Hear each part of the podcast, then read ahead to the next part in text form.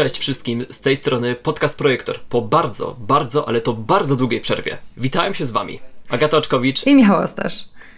Nie było nas bardzo długo, bo chyba ostatni odcinek wypuściliśmy w maju. Ale uznaliśmy, że w czasie tej pandemii, mimo tego całego przymusowego czasu wolnego, który nas wszystkich spotkał, to chyba każdy z, każdy z nas miał mimo wszystko na głowie aż za dużo. Dlatego odpuściliśmy, ale nie na zawsze, ponieważ właśnie wróciliśmy. Październik, Projektor Podcast powraca. E, tak, my wracamy. Mamy nadzieję opowiedzieć Wam trochę e, o naszych przemyśleniach, o filmach, które oglądamy.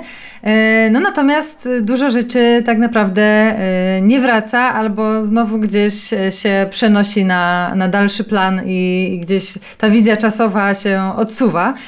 No i myślę, że to dzisiaj będzie nam tutaj tak towarzyszyło bardzo długo ten, ten temat.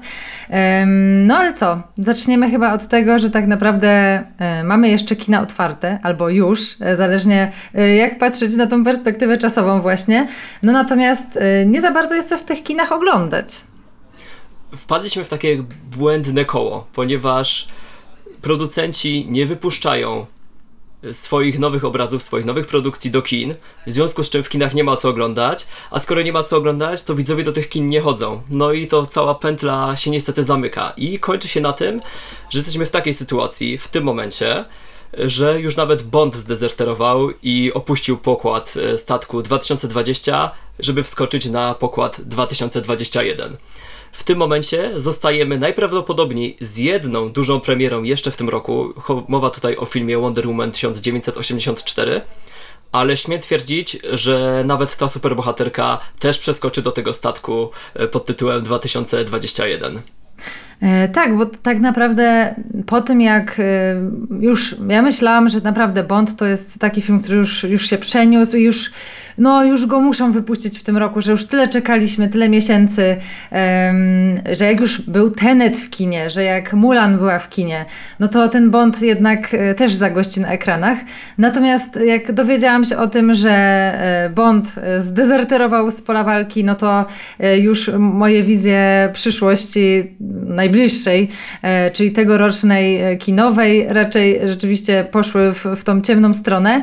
No i Parę dni później dowiedzieliśmy się, że również Duna e, uciekła gdzieś z tego pola widzenia naszego i e, no tak naprawdę zobaczymy ją, o ile wszystko dobrze pójdzie, dopiero za rok. Także naprawdę odległy termin, co mnie osobiście złamało serce, dlatego że to był film, nie wiem czy pamiętacie, na początku roku mówiłam o tym, że to jest film, na który najbardziej czekam, mimo Bonda właśnie, którego też y, uwielbiam. Y, no ale jednak ta Duna to było coś, na co bardziej czekałam, no i teraz niestety nie ma na co czekać tak naprawdę. Przypomnijmy, że No Time to Die, Nie Czas Umierać, było chyba pierwszym filmem, który, taką du pierwszą dużą produkcją, która została przeniesiona na termin późniejszy. E, film miał zadebiutować na początku kwietnia e, tego roku, przeniesiono go na listopad. W tym momencie z początkiem października już wiemy, że zobaczymy go w kwietniu, ale roku przyszłego.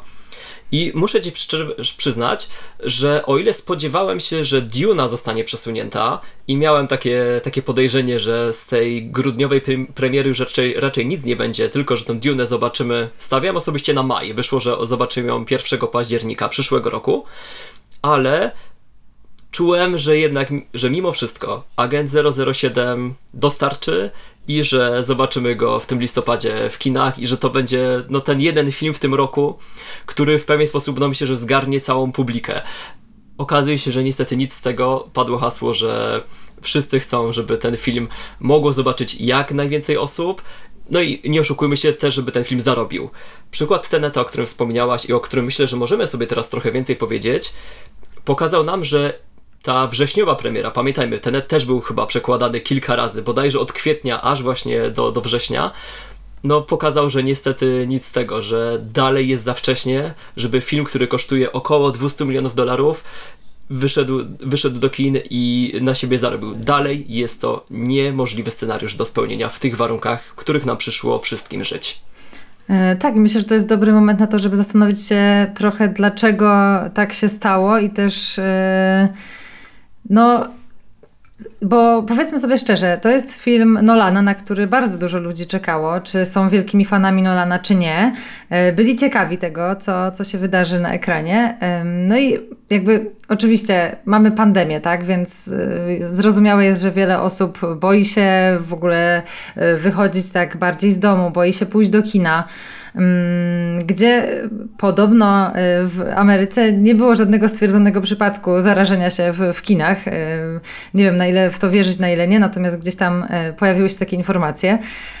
No ale to nikogo jakby nie zapewnia w tym, że rzeczy, rzeczywiście tak nie, nie można się zarazić. Tak? No, to jest oczywiste, że, że można. Także no, gdzieś ta pandemia cały czas myślę jest takim głównym powodem. No i też trochę ludzie chyba się odzwyczaili od tego, żeby jednak do tych kin chodzić i no i mamy Teneta, mamy Nolana, który naprawdę miał nam zapewnić tutaj wielki powrót do kin, które potem miały pociągnąć kolejne filmy. No natomiast y, ani Tenet, ani kolejna na przykład Mulan też moim zdaniem gdzieś tam nie spełniły tych oczekiwań. Y, czy oczekiwań, czy wręcz, nie wiem, nie wiem jak to nazwać, ale ani widzowie chyba nie są zadowoleni, ani wynik y, w box office też nie jest jakiś zachwycający. Także no tutaj bardzo dużo rzeczy się gdzieś po drodze posypało tak naprawdę chyba. Pozostaje mi się tylko z Tobą zgodzić. Może zacznę od y, Teneta, ponieważ y, mamy tutaj do czynienia z naprawdę wielką produkcją, jak sama wcześniej wspomniałaś, y, wyczekiwaną przez widzów na całym świecie.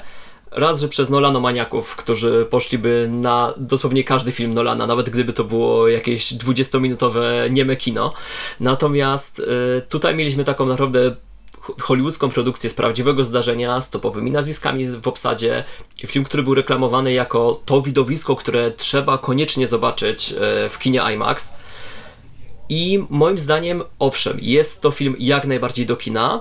Po seansie e, byłem w ogóle na premierze Teneta. Nie wyobrażam sobie, żeby zobaczyć ten film, że tak się wyrażę, w pierwszej kolejności e, na ekranie telewizora, nawet jeśli byłby to duży telewizor, a co dopiero na tablecie bądź telefonie komórkowym.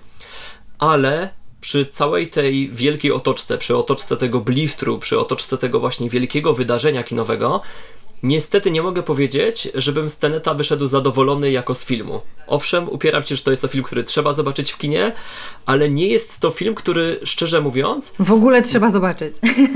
Może nie powiem, że nie trzeba zobaczyć, ale który było mi bardzo ciężko komukolwiek w ogóle polecić. Mi ten film, szczerze mówiąc, podobał się, użyję tutaj tego sławnego określenia, średnio, natomiast miałem problem z tym, żeby komukolwiek go z czystym sumieniem polecić, bo nie jest to Incepcja, która była filmem skomplikowanym, dziwnym i w 100% nolanowskim, ale jednocześnie takim, w którym za każdym razem, w każdej minucie filmu było wiadomo, co się dzieje. Tenet moim zdaniem był za bardzo odjechany i szczerze mówiąc yy, sam jako bardziej bym powiedział tutaj miłośnik klimatów science fiction niż miłośnik samego Nolana zupełnie w pewnym momencie się w tym filmie pogubiłem i śmiem twierdzić, że to był taki yy, to była przyczyna, dla której wiele osób jakby nie podało informacji dalej, że hej, Tenet jest fajnym filmem, wiem, że jest pandemia, ale przejdź do kina, bo to jest ten film, który ci przypomni, czym to kino jest, dlaczego tak warto, warto wydać te paręnaście złotych, czy parę dziesiąt złotych, wy, wydać je na IMAXa, pójść na salę kinową, przesiedzieć tam prawie trzy godziny i moim, i moim zdaniem tego niestety zabrakło, że Tenet nie obronił się właśnie w, w reakcjach w cudzysłowie takich właśnie zwykłych, wyzwykłych widzów. Yy, tak, ja też byłam w, na tenecie w kinie oczywiście, natomiast yy, odbyło się to troszkę później niż, niż Michał. Yy, no właśnie z tych względów pandemicznych, tak? Gdzieś tam miałam obawy, zastanawiałam się, czy na pewno jest to dobry pomysł, ale w końcu się wybrałam na taki seans mniej uczęszczany, co też może być dla wielu osób dobrym pomysłem.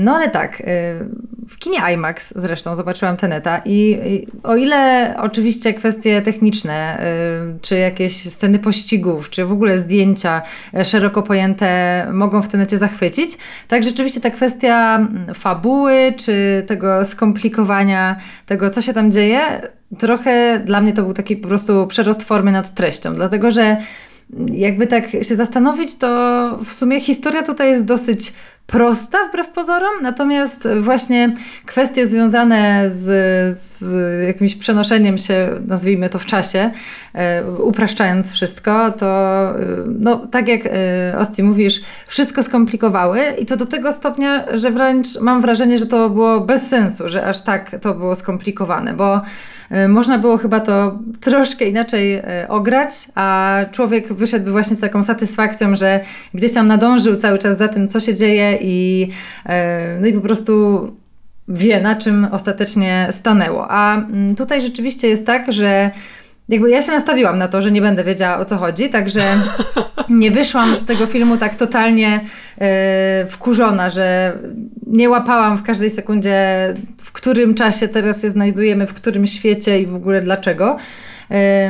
Tylko po prostu gdzieś dałam się ponieść tej akcji, e, która e, rzeczywiście trzymała w napięciu, dużo się działo. Film jest długi, ale jakoś nie dłużył mi się bardzo. Natomiast to, y, co jest moim największym zarzutem dla tego filmu, to jest to, że gdzieś te wszystkie postaci, które pojawiły się w filmie, one po prostu mnie nie angażowały. Naprawdę. Zaczynając tutaj od y, Johna Davida Washingtona, który grał główną rolę, y, przez Roberta Pattinsona, Elizabeth Dembicki. No po prostu żadna z tych postaci nie okazywała większych emocji, przy tym, że tak naprawdę w tej fabule działy się im różne rzeczy, złe albo jeszcze gorsze, a oni po prostu byli tacy jacyś nie chcę powiedzieć nijacy, ale gdzieś do tego to dążyło tak naprawdę dla mnie. I, no i to jest dla mnie najgorsze tak naprawdę. Nie to, że gdzieś zgubiłam się w tej przekombinowanej, przekombinowanej fabule, tylko właśnie to, że tak naprawdę do końca filmu pociągnęło mnie tylko to, że gdzieś rzeczywiście było to tempo i ciągle coś się działo na ekranie, ale te, no po prostu, nie wiem, te, te, te postaci mimo dobrej obsady tak naprawdę mnie nie E, no nie wciągnęły, nie zaangażowały, więc no tu jest taki dla mnie duży, duży minus. Dla mnie również. E, to, to, o czym przed chwilą powiedziałaś, to dla mnie, dla mnie właśnie to jest ta kwestia, która rozłożyła Tenet na łopatki. Mianowicie mamy głównego bohatera, który nawet nie ma imienia, totalnie nie mamy pojęcia, co nim kieruje, dlaczego on w ogóle jest jakimś agentem, dlaczego ktoś mu w ogóle zleca misję, w której będzie musiał się cofać w czasie. Tylko dosłownie wygląda to tak, że poznajemy głównego bohatera w trakcie akcji, co jest fajne jako, jako właśnie zawiązanie całej intrygi, natomiast potem widzimy jego rozmowę z jakimś szefem CIA, czy jakiejś podobnej komórki wywiadowczej, mówi mu, że dostanie misję, że ma do dyspozycji jedno słowo i tyle. I gość w ogóle, okej, okay, spoko. To zaczyna się film. Y, I wydaje mi się, że dlatego właśnie ja od połowy filmu, kiedy właśnie nastąpił taki moment, że po prostu zgubiłem się w tym, co się dzieje na ekranie, to nawet totalnie miałem już w tym momencie obojętne y, to, co się z tymi bohaterami stanie, bo w żaden sposób nie byłem się w stanie z nimi, już nie, nie mówię, że utożsamić, ale po prostu mi na nich w ogóle nie zależało.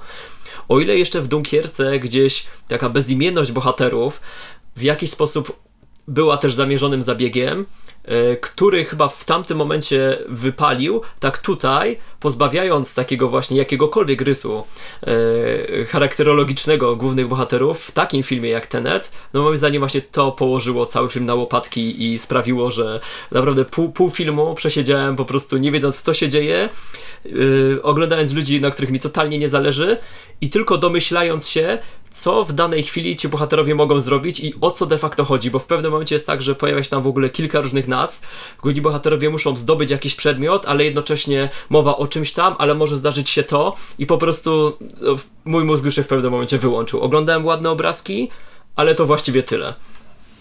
Tak, mam takie wrażenie, że Christopher Nolan doprowadził w końcu do tego, że tylko on rozumie swój film i prawdopodobnie aktorzy grający w tym filmie też nie do końca rozumieją, co tam się wydarzyło, chyba że im rozrysował to na tablicy, e, ale innej opcji nie widzę na to tak naprawdę. Chyba, chyba tak. Natomiast y, troszkę siebie sam powtórzę. Incepcja, która była bardzo skomplikowanym filmem.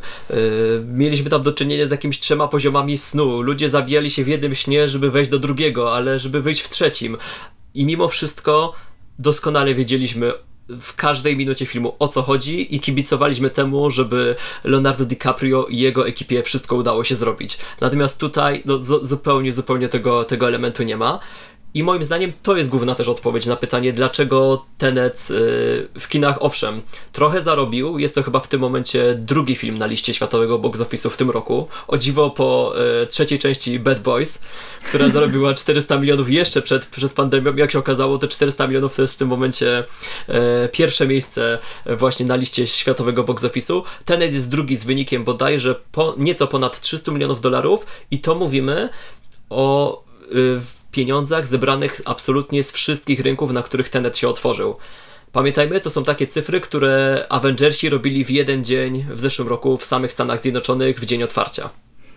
E, tak, nawet dotarły gdzieś tam wieści do nas, że e, ponowne puszczenie starego filmu Hokus Pokus y, spowodowało, że gdzieś wyrównało się to prawie właśnie w box office z Tenetem. Także rzeczywiście nie jest to chyba tylko kwestia tego, że ludzie boją się pójść do kin, tylko bardziej tego, że niekoniecznie chcą tego Teneta y, obejrzeć i szczerze mówiąc wcale im się nie dziwię, bo gdzieś, y, no gdzieś nie jest to najlepszy film e, Nolana, a raczej jeden z tych gorszych, jeśli miałabym oceniać. Nie chcę już tutaj e, cyferkami mówić, co, jak to się tutaj u mnie mieści gdzieś na skali, natomiast e, no rzeczywiście nie jest, nie jest to arcydzieło. Niektórzy uważają, że jest, natomiast ja się z tym nie zgadzam i nie czuję tak. No i dlatego też myślę, że właśnie Tenet nie, no nie rozpoczął jakoś tak super tego sezonu e, ponownego otwarcia kin. No a później, e, kiedy te duże inne produkcje, które miały nastąpić później, zobaczyły to, co się dzieje, no to pewnie to był taki jeden z głównych argumentów, żeby właśnie zrezygnować z tego mm, pojawienia się w kinach e, w tym roku. No, pomijając kwestię tego, że znowu mamy e, bardzo dużo zachorowań i, e, no i pojawia się historia wiosenna. Także, no Trudna sytuacja dla kin na pewno teraz jest.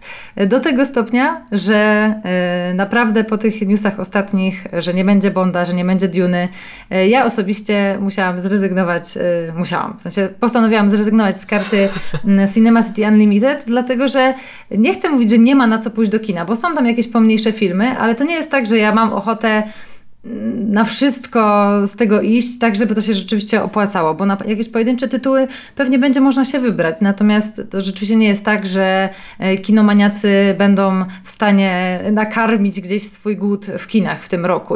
No i niestety wygląda na to, że wszyscy e, zostaniemy na swoich kanapach i gdzieś będziemy musieli zadowolić się produkcjami Netflixa czy HBO, co też nie jest takie złe. Owszem, nie jest takie złe, ale jeszcze kontynuując przez chwilkę temat tych kin, ale go ugryzę od troszkę innej strony. A jak w ogóle czułaś się na seansie kinowym? Było to dla ciebie, nazwę to, na tyle komfortowe w tych pandemicznych warunkach, czy jednak miałaś cały czas z tyłu głowy, że to jest coś, czego nie wiem, nie do końca na przykład powinnaś robić? E, w ogóle idąc na seans, czułam, że może niekoniecznie jest to coś, co powinnam robić, natomiast jak już się zdecydowałam, to w czasie filmu jakoś nie towarzyszyła mi ta myśl cały czas. Natomiast takie bardziej praktyczne rzeczy były trochę denerwujące, że w czasie seansu cały czas miałam założoną maseczkę, przez to parowały mi okulary, tutaj ciężko było oddychać. E, dobrze, że to nie był film 3D, bo jeszcze jakbym miała założyć drugą parę okularów na moje okulary, to już by było naprawdę... Nade parujące. Szczyt szczyt osiągnięć tak naprawdę. Także no, gdzieś też nie jest to jakiś najwyższy, najwyższy komfort. I też myślę, że inaczej by było, jakbym poszła na seans, na którym rzeczywiście byłoby dużo osób, Natomiast byłam na takim, no naprawdę mało uczęszczanym, także kilka innych osób na sali aż tak bardzo mi nie przeszkadzało. No, natomiast, no wiadomo, każde wyjście wiąże się z ryzykiem, no i to już każdy musi gdzieś tam sobie z tym poradzić e, w głowie sam. Ja na tenecie byłem e, na premierze takiej premierze wieczornej w IMAXie i e, było osób naprawdę sporo. Natomiast nie było to problemem, że sala była w cudzysłowie pełna. Oczywiście były, były te odstępy między, między poszczególnymi grupami, które dokonały rezerwacji. Większym problemem było to, że w takich sieciówkach jak Cinema City mimo wszystko, mimo tego, że było, nazwijmy to, zalecenie, żeby cały czas tę maseczkę na twarzy mieć i tak oczywiście powinno być, to mimo wszystko był sprzedawany, widzą popcorn, były sprzedawane napoje.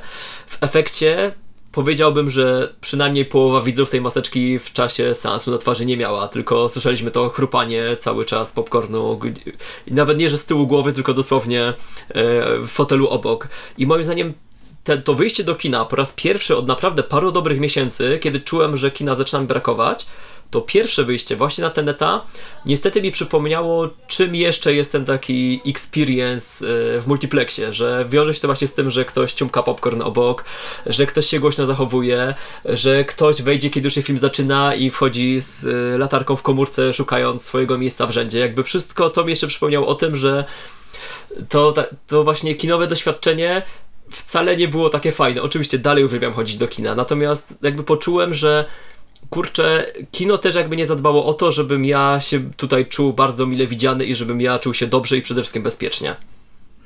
No, to są już takie dodatkowe kwestie, które właśnie gdzieś y, kino powinno o to zadbać. No, niestety tak się nie stało. Na szczęście na moim sensie nie było takich sytuacji, no ale tak jak mówię, też y, była dużo mniejsza skala tego wszystkiego tak naprawdę. No i szczerze mówiąc, tak jak teraz sobie myślę, to nie ma czegoś takiego, co by mnie teraz przyciągnęło na przykład do kina, żebym rzeczywiście poszła i chciała e, nie dość, że martwić się e, o siedzenie w maseczce, o zarażenie się od kogoś, e, to też o to, że właśnie ktoś będzie popcorn obok mnie jadł, a ja nie jem, bo chcę mieć cały czas maseczkę na, na twarzy, żeby zachować to, to bezpieczeństwo jakieś przynajmniej w minimalnym stopniu. No i szkoda, szkoda, że to nie jest rzeczywiście tak e, respektowane przez ludzi, ale też, że nie jest za bardzo sprawdzane przez, przez pracowników kina. No bo teoretycznie pewnie popcorn trzeba było zjeść przed seansem, prawda? Gdzieś przed wejściem na salę. Tak, no. taki, taki, tak to niby wyglądało w teorii, natomiast wiemy jaka niestety jest praktyka. E, ale nie było to też tylko na TEDie. Ogółem w kinie byłem do tej pory cztery razy, trzy razy byłem w multiplexie, raz byłem w kinie mniejszym, Byłem jeszcze na Mulan, o której mogę powiedzieć tyle, że jest to film tak średni, tak nijaki, że żałuję tego seansu. Akurat nie żałuję zachowania widzów, bo tam akurat widzów było mało i wszyscy się zachowali fair. Natomiast nie polecam w ogóle samego filmu, bo uważam, że jest nawet nie mogę znaleźć tutaj jakiegoś odpowiedniego przymiotnika na ten film, bo był po prostu tak nijaki, tak żaden, że, że po prostu już wypadł ten seans z mojej głowy. I byłem jeszcze na filmie, którego w cudzysłowie nikt nie widział, czyli na Nowych Mutantach, tym ostatnim filmie z uniwersum X-Men, e, który dostarczyło 20th Century Fox jeszcze powiedzmy, że przed wchłonięciem przez Disneya. I chyba wbrew pozorom mógłbym powiedzieć, że to był ten najfajniejszy film kinowy, który widziałem, widziałem w kinie. Już po, po lockdownie, po tym jak kina się otworzyły. Wbrew pozorom ten film, na który totalnie wszyscy mieli gdzieś wywalone, który w ogóle pojawił się o pół roku, czy nawet rok za późno, i okazał się, że w sumie był najfajniejszy. Mimo, że jest to produkcja, która też z powodzeniem mogłaby wejść od razu na Netflixa bądź na jakikolwiek inny streaming, też byłaby fajna, tak jednak w kinie oglądało mi się to zadziwiająco przyjemnie, naprawdę. No to powiem Ci, że jestem zaskoczona, zwłaszcza po ostatnich produkcjach gdzieś tam ze świata X-Menów. E, Mroczna Phoenix chyba nie za bardzo e, się spodobała widzom, no i naprawdę się zastanawiałam, co tu dalej będzie z, z tymi produkcjami. E, ja osobiście nie, jakoś nie miałam ochoty wręcz obejrzeć tej, tej kolejnej historii z tego świata. No i w sumie nie wiem, gdyby pojawiło się to gdzieś na Netflixie albo HBO, pewnie mogłabym po to sięgnąć. Natomiast tak, żeby pójść do kina, no to nie czułam tego zupełnie. Rozumiem doskonale i też szczerze mówiąc przyznaję, że owszem jest to film, który można z powodzeniem obejrzeć w domu i czerpać z niego dokładnie taką samą przyjemność jak w kinie. Natomiast wspominam o, nie, o nim tylko dlatego, że po prostu nawet ten film, który moim zdaniem z tego całego wymienionego trio był chyba najfajniejszy, E, to niestety tylko potwierdza to, że nawet gdybyśmy chcieli iść na coś do kina, to naprawdę w tym momencie nie ma na co. Nie ma takiego jednego, w cudzysłowie, sztosa, który by sprawił, że kurczę, rzućmy wszystko, włóżmy maseczki i biegnijmy na salę kinową. Po prostu takiego filmu w tym momencie nie ma. No i jak się okazuje, no nie będzie jeszcze przez najbliższych dobrych kilka miesięcy. E, no i właśnie, i to jest teraz pytanie, co, co stanie się z kinami, kiedy tak naprawdę e, grają bardziej niszowe firmy, które nie są na tyle rozreklamowane, żeby taki przeciętny widz, który kiedyś może raz na miesiąc albo raz na dwa miesiące poszedł do kina, teraz tak naprawdę nie widzi dla siebie za bardzo takiej możliwości, to jak te kina mają się tak naprawdę zachować w tej sytuacji? Kina będą chyba walczyły o to, żeby filmów było na ich ekranach jak najwięcej. Natomiast moim zdaniem tutaj piłeczka jest bardziej chyba po stronie producentów, którzy teraz mogą zobaczyć, że po tym, kiedy nawet takich wielkich filmów e, nie udało się wprowadzić z sukcesem na ekrany kinowe, to śmiem twierdzić, że po pandemii będzie albo królował swego rodzaju system hybrydowy, to znaczy, że film poza tymi największymi naprawdę produkcjami, które nam serwuje na przykład Marvel, to wydaje mi się, że filmy tego, nazwijmy to średniego szczebla, będą moim zdaniem e, pojawiały się zarówno na ekranach kin, i w tym samym dniu będzie można je obejrzeć w którymś serwisie VOD, albo normalnie w streamingu, yy, który mamy opłacony z góry, albo za jakąś dodatkową opłatą, ale wydaje mi się, że, że tak to będzie funkcjonowało. Że takich filmów, właśnie tych średnich, coraz mniej będzie się w kinach pojawiać, że raczej one będą, będą produkcjami, które od razu będziemy oglądać yy, w swoich domach.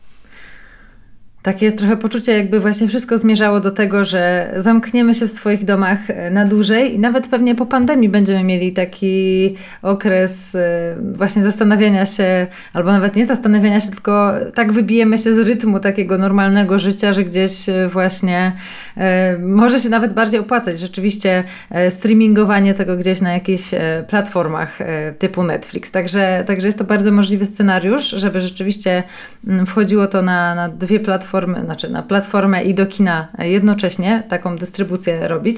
No natomiast y, widzimy, co, jak zachowuje się teraz na przykład Marvel, który przesuwa swoje, swoje premiery tak, żeby rzeczywiście weszły do kina w momencie, kiedy, kiedy będzie można tak naprawdę coś więcej zarobić na tych filmach. Przynajmniej tak, y, tak zakładam, że to jest gdzieś y, to, co nimi powoduje. No tylko tak naprawdę, kiedy będzie ten moment, bo wszystkie filmy są przesunięte na przyszły rok e, albo jeszcze później. Widzieliśmy właśnie tak. z, z Michałem taką listę 50 e, iluś filmów, które zostały przesunięte przez pandemię i e, pojawiały się tam już daty premiery gdzieś na 2024 rok. To mnie trochę po prostu przeraziło. E, no natomiast e, tak, przyszły rok, jeżeli rzeczywiście będzie bezpiecznie i będzie, e, będzie chęć w ludziach, żeby chodzić do tych kin i te premiery się odbędą, no to będzie bardzo intensywny, jeśli chodzi o, o premiery. A z drugiej strony, czy czekają nas kolejne przesunięcia dat, to też jest bardzo, bardzo prawdopodobne, niestety. Jestem pewien, że tak. W tym momencie mamy rzucone całe mnóstwo filmów na 2021 i czuję, że będzie za chwilę uciekanie jednej premiery od drugiej, ponieważ yy, zaraz wyjdzie tak, że co tydzień wypuszczanie wielkiego filmu no, sprawi, że przynajmniej połowa z tych filmów znowu nie zarobi, więc będzie przesuwanie tych filmów na rok 2022. Natomiast y, moje pytanie do ciebie brzmi, bo wspomniałeś tutaj przykład Disneya, który już miota się po raz kolejny z wypuszczeniem Czarnej Wdowy. Y, Disney myślę, że poszedł trochę po rozum po głowy i stwierdził, że ok, skoro Mulan się nie udała, która wydaje mi się, że miała taki nawet chyba większy potencjał e, do tego, żeby zgromadzić widzów w kinach, bo raz, że jest to film raczej powiedzmy taki dla dzieci, więc z automatu idą na niego całe rodziny. E, dwa, że jest to remake klasycznej i uwielbianej animacji, więc siłą rzeczy jest to film, na który no, ludzie chcą iść do kina. I skoro to nie wyszło, to mimo wszystko Czarną Wdowę przesuwamy. W tym momencie ona ma bodajże majową datę premiery na maj 2021. Natomiast moje pytanie do Ciebie brzmi: załóżmy, że możemy albo pójść e, na Czarną Wdowę do kina, prosto do kina w dniu premiery, albo w tym samym dniu premiery kupić powiedzmy dostęp do tego filmu na przykład za 99 zł i obejrzeć go w gronie znajomych w domu. To jaką opcję byś wybrała? Jeśli byłoby bezpiecznie, żeby pójść do kina, to myślę, że poszedłbym jednak do kina. Mimo wszystko gdzieś yy, to jest dodatkowe doświadczenie i mimo, że mam w mieszkaniu projektor, mogłabym to obejrzeć na naprawdę jakby dużym ekranie, nazwijmy to, mhm. no to gdzieś yy, to po prostu lubię chodzić do kina, więc myślę, że bym się na to zdecydowała taki sposób. Nie, nie, nie lubię tego zamykania się w domu i ta pandemia spowodowała, że tym bardziej jakby była okazja, żeby jednak wyjść do tego kina, to, to bym się wybrała. A ty jak byś, jak byś zrobił? W tym momencie jeszcze nie wiem, natomiast przyznaję, że o ile może nie zrobiłbym z tego, e, z takiego powiedzmy modelu oglądania filmów i uczestniczenia w premierach, może nie zrobiłbym z tego własnej tradycji, ale przyznaję, że któryś film obejrzeć w ten sposób e, bardzo by mnie to ciekawiło zrobić e, tak, że robisz imprezę z znajomymi, oglądamy nowy film, zamiast w kinie oglądamy go u siebie. Myślę, że też jest to, to coś, co będzie, będzie coraz częściej rozważane. Bodajże Mulan nawet chyba zarobiła więcej pieniędzy właśnie z tych seansów wykupionych e, w Disney Plus, e, które kosztowały bodajże 30 dolarów za dostęp do filmu. On był płatny dodatkowo jakby poza, poza tym streamingiem Disneya. E, I okazało się, że on zarobił dzięki temu chyba ćwierć bańki w ogóle, co jest prawie w ogóle e, tutaj e, wynikiem, który osiągnął Tenet, o ile dobrze pamiętam, więc kurczę, no stawiam, że no, to będzie chyba taki najcięższy orzech też do zgryzienia dla, dla właścicieli kin. Właśnie taki model, że nagle się może okazać, że dużo osób po prostu woli obejrzeć coś, coś w kinie, albo we własnym, znaczy obejrzeć coś w domu, a nie w kinie i zrobić to we własnym, we własnym gronie, nawet jeśli ta cena za dostęp do filmu byłaby po prostu wyższa. No, to jest coś, z czym na pewno będzie ciężko walczyć, ale gdzieś mam takie poczucie, że to kino nie, nie umrze mimo wszystko, że, że dalej będzie duża część e, widzów, którzy po prostu będą woleli właśnie wyjść z domu, mm, zasiąść w sali kinowej i po prostu gdzieś e, zatopić się po prostu w tym świecie, który gdzieś ofero, e, oferuje film. Bo w domu jednak jest trochę tak, że z jednej strony oglądamy film, ale tutaj zaraz coś nas dekoncentruje, tu sięgniemy po telefon, e, tutaj a może zrobimy pauzę, bo bym coś zjadła, a może jednak e, jeszcze tutaj pójdę do toalety, tutaj coś tam. No i z tego takiego mm, seansu kinowego, który jest całym właśnie doświadczeniem, robi się po prostu to, co, to, co zwykle w domu mamy, czyli... Yy, rozgardiasz. Rozgardiasz, dokładnie. E, także, także myślę, że dużo osób jednak zdecyduje się na pójście do kina, kiedy oczywiście będzie to już po prostu, po prostu bezpieczne. E, no i też jeżeli, nawet jeżeli e, są takie osoby, które gdzieś będą wolały zostać sobie w domu i obejrzeć film, no to myślę, że kina też wymyślą coś takiego, żeby jednak zachęcić też widzów do tego, żeby, żeby udali się też na salę kinową miejmy taką nadzieję. Y, I tobie, i sobie, i wam tego życzę, żeby te kina mimo wszystko nie umarły. Natomiast coś mi podpowiada, że no, nastąpią spore zmiany, spore tąpnięcia i śmiem twierdzić, że w przyszłości, nawet jeśli już będzie tak faktycznie normalnie, to mimo wszystko do tego kina będziemy chodzić trochę rzadziej. Ale to może moje bajdurzenie. Zobaczymy. Zobaczymy na pewno, na pewno będą to te tak zwane ciekawe czasy dla właścicieli kin, no i dla wszystkich kino, kinomaniaków. E, no tak, a właśnie jak już tak, jak już tak mówisz, że zostaniemy w domach i będziemy oglądać filmy w domach bardziej niż w kinach, e, no to w sumie teraz jest taka sytuacja, że właśnie e, oglądamy bardziej te filmy w domach. No i w sumie tak naprawdę jest kilka takich produkcji Netflixa, które gdzieś tam rzeczywiście moglibyśmy Wam polecić do obejrzenia w najbliższym czasie. Mowa tutaj konkretnie o dwóch filmach. E, pierwszy z nich to Devil All the Time, Diabeł Wcielony. Produkcja Netflixa z cyklu tych poważniejszych i z cyklu tych, które Netflix przejął w pewnym momencie ich powstawania, przez co stały się filmami Netflixa, a nie powstawały jako film Netflixa tak od A do Z. E, dlaczego o tym wspominam? Ponieważ moim zdaniem jest to film, który jest naprawdę dobry i to jest taki film, który w normalnych czasach myślę, że trafiłby od razu do takiej szerokiej dystrybucji kinowej, a ten film miał tylko malutką, okrojoną dystrybucję kinową. I oczywiście możemy go obejrzeć na Netflixie zupełnie za darmo, bez dodatkowych opłat. I muszę przyznać, że jak na taką produkcję, którą właśnie można obejrzeć w piątkowy wieczór w domu, jest naprawdę, naprawdę dobrze. Oj, bardzo mi się ten film podobał. e, tak, nie wiem, czy pamiętacie taki film e, Madbound, ale to jest właśnie e, mniej więcej ta sama kategoria, czyli taki, m, mm, taki taki ponury film, taki brudny, brutalny. Znaczy, Madband może trochę mniej, natomiast tutaj y, ta brutalność y, wylewa się w zasadzie y, z każdej klatki filmowej, także mm, naprawdę E, nie jest to taki lekki piątkowy film, tylko właśnie taki, na który gdzieś tam trzeba się bardziej nastawić. Jest to też film bardzo długi, e, dlatego gdzieś w pewnym momencie przy rozwijaniu się fabuły może zacząć się nużyć troszeczkę. Natomiast e, na szczęście po tym wstępie takim, który gdzieś w pewnym momencie właśnie może, może nas troszeczkę uśpić, e, pojawia się e, jakby wzrost emocjonalny tego wszystkiego, co widzimy na ekranie i wtedy już e, myślę, że myślę, że wszyscy widzowie angażują się rzeczywiście w to, co się dzieje, dużo bardziej. No i tak, powiedzmy sobie szczerze, że jest tu taka obsada, y, jakiej ostatnio no naprawdę ciężko, ciężko było gdzieś y, odnaleźć taką, dlatego że mamy tutaj młodych aktorów, którzy y, no, są bardzo obiecujący albo już gdzieś są w szczycie swojej kariery. Znowu mamy Roberta Pattinsona, tutaj nie w głównej roli, tylko w drugoplanowej, ale w jakże doskonałej tak naprawdę roli. W głównej roli mamy Toma Hollanda, którego wszyscy kojarzymy jako Spidermana, a tutaj jednak mimo że gdzieś tam pewnie odrobinę poczujemy, że Tom Holland, y, który jest w zasadzie Spider-Manem tak naprawdę, tak. E, gdzieś tutaj przebija przez tą postać. Natomiast e, no jest to zupełnie, zupełnie inna historia tutaj. Gdzieś jeszcze mm, Bill Skarsgård, Mia Wasikowska, Sebastian Stan. Pojawiają się na ekranie i wszyscy tak naprawdę dają radę, bardziej lub mniej. Niestety niektórzy nie mieli takich możliwości jak Robert Pattinson, który pokazał się tutaj naprawdę z niesamowitej strony.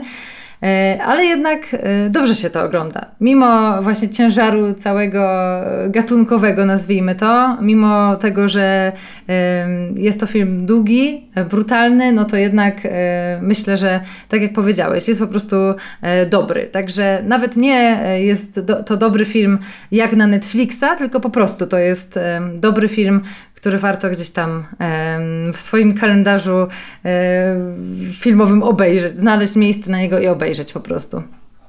Tak, bardzo, bardzo tutaj się z Tobą zgadzam, chyba w każdej kwestii, którą powiedziałaś.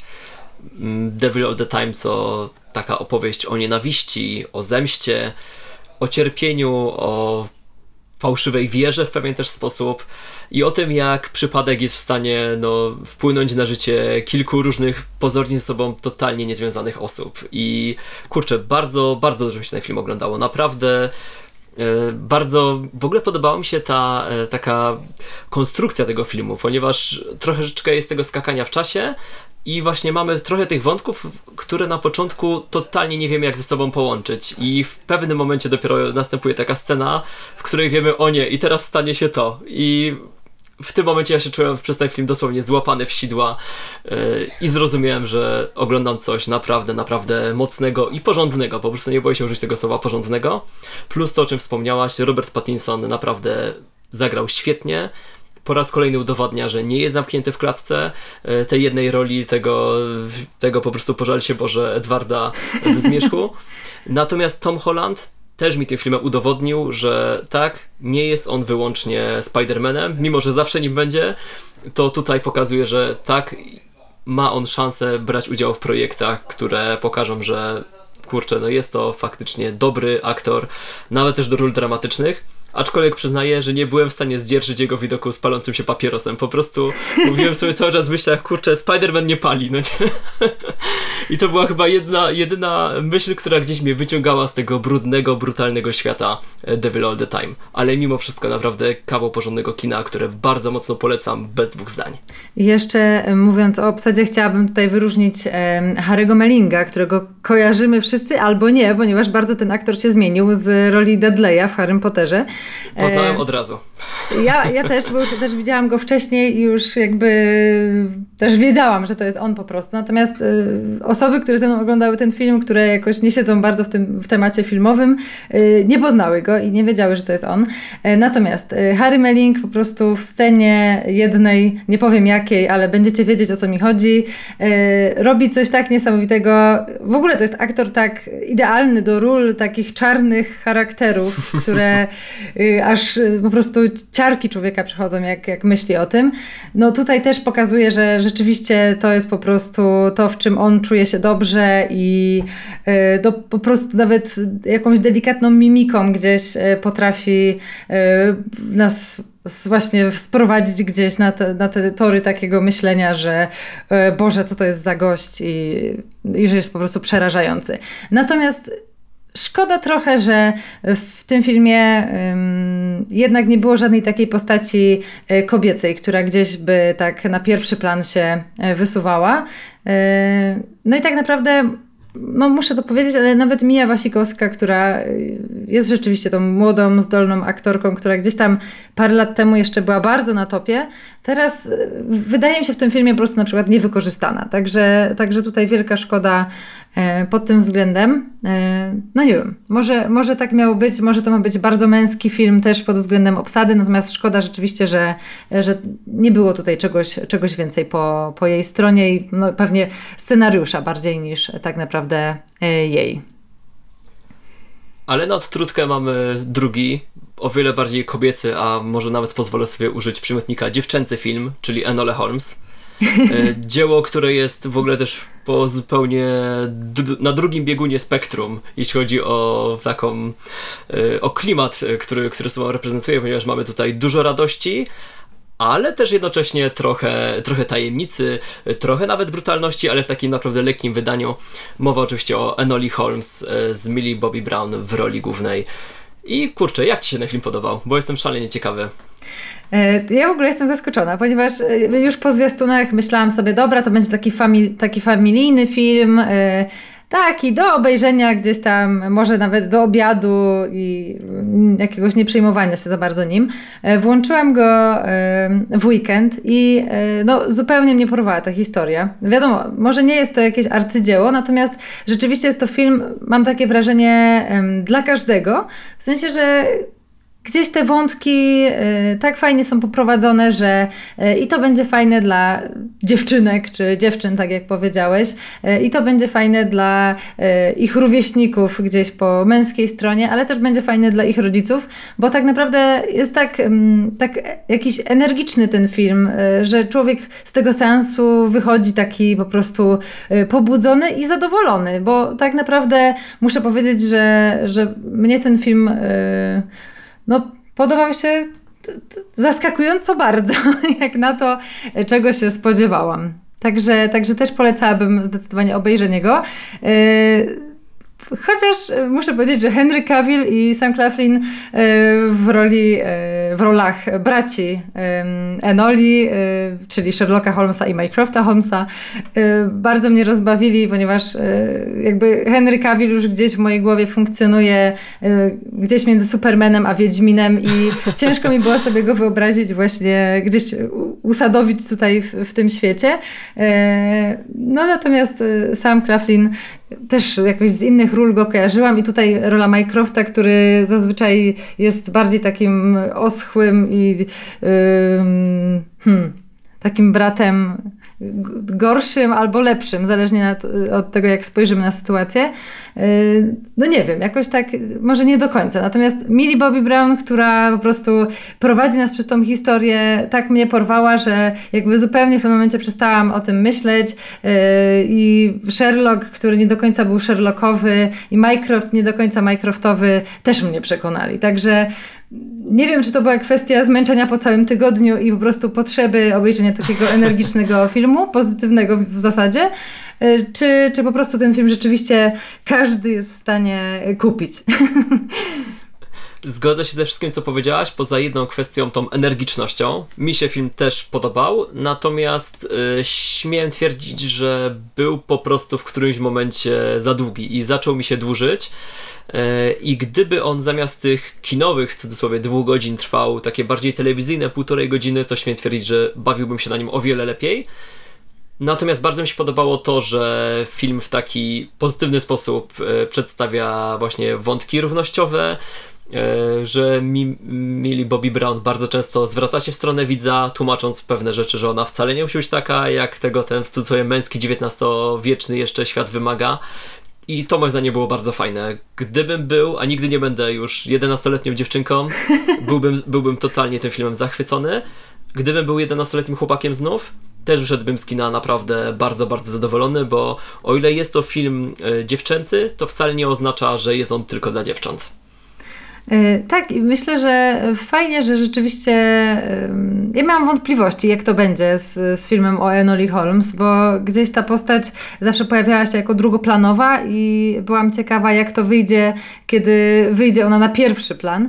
E, no ale myślę, że rzeczywiście tutaj ta charakterność Millie Bobby Brown i to, że gdzieś wyszła też ze swojej takiej mniej emocjonalnej tej postaci jedenastki w, w Stranger Things, e, pokazuje, że, że jednak jest to postać, która też jest w stanie być właśnie pierwszoplanową i i nawet chwilami można nas po prostu zaskoczyć tym, e, jaka jest sprytna, a czasem nawet sprytniejsza niż Sherlock.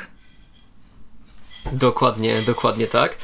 I to, co chyba jest najfajniejsze w tym filmie, e, to sam fakt, że film o siostrze Sherlocka Holmesa, co na papierze może brzmieć nie do końca fajnie i strasznie naciąganie, w rzeczywistości wcale takie nie jest. To po prostu jest historia, która się trzyma kupy, yy, która potrafi widza zaciekawić, potrafi go wciągnąć w ten świat. I tak jak powiedziałeś, że wyciągnięcie Enoli na pierwszy plan, a zepchnięcie Sherlocka i Mycrofta na drugi, absolutnie się moim zdaniem tutaj sprawdza. Natomiast yy, też nie chcę, żebyście tutaj myśleli o tym, że jest to jakieś absolutne objawienie, yy, jeśli chodzi o nawet kategorię kina familijnego, bo tak nie jest w kategoriach Netflixowych jest to po prostu takie, bym powiedział, good enough. Tutaj wszystko jest y, dobre, ale nie ma też takiego elementu, który byłby po prostu doskonały. Obsada jest dobra, e, oczywiście są super, są bardzo dobre występy, ale też nie jest tak, żebyśmy któryś z tych występów chcieli nagrodzić jakąś nagrodą, e, bądź też myśleli o nim dniami i nocami, że jakie, jaka tutaj była głębia tej postaci. Fabuła też jest dobra, ale nie jest wybitna. E, to samo ma się z, nazwijmy to, poziomem ogólnym realizacyjnym. Też po prostu wszystko gra tak, jak powinno grać, ale nie ma tutaj żadnego elementu, który byłby taki bardzo odstający od normy na plus, nazwijmy to.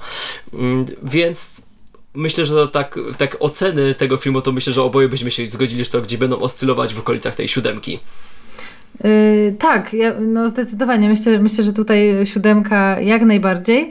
Yy, natomiast to, co jeszcze mówiłeś o, o wątkach y, równościowych, nazwijmy to, yy, no to też muszę tutaj wspomnieć o tym, że reżyserem tego filmu jest Harry Bradbeer, który też y, gdzieś stał za e, Fleabag czy Obsesją Eve, y, które są takimi serialami właśnie mocno, gdzie mamy wątki feministyczno-kobiece, także, e, także on się na tym zna, powiedzmy sobie szczerze.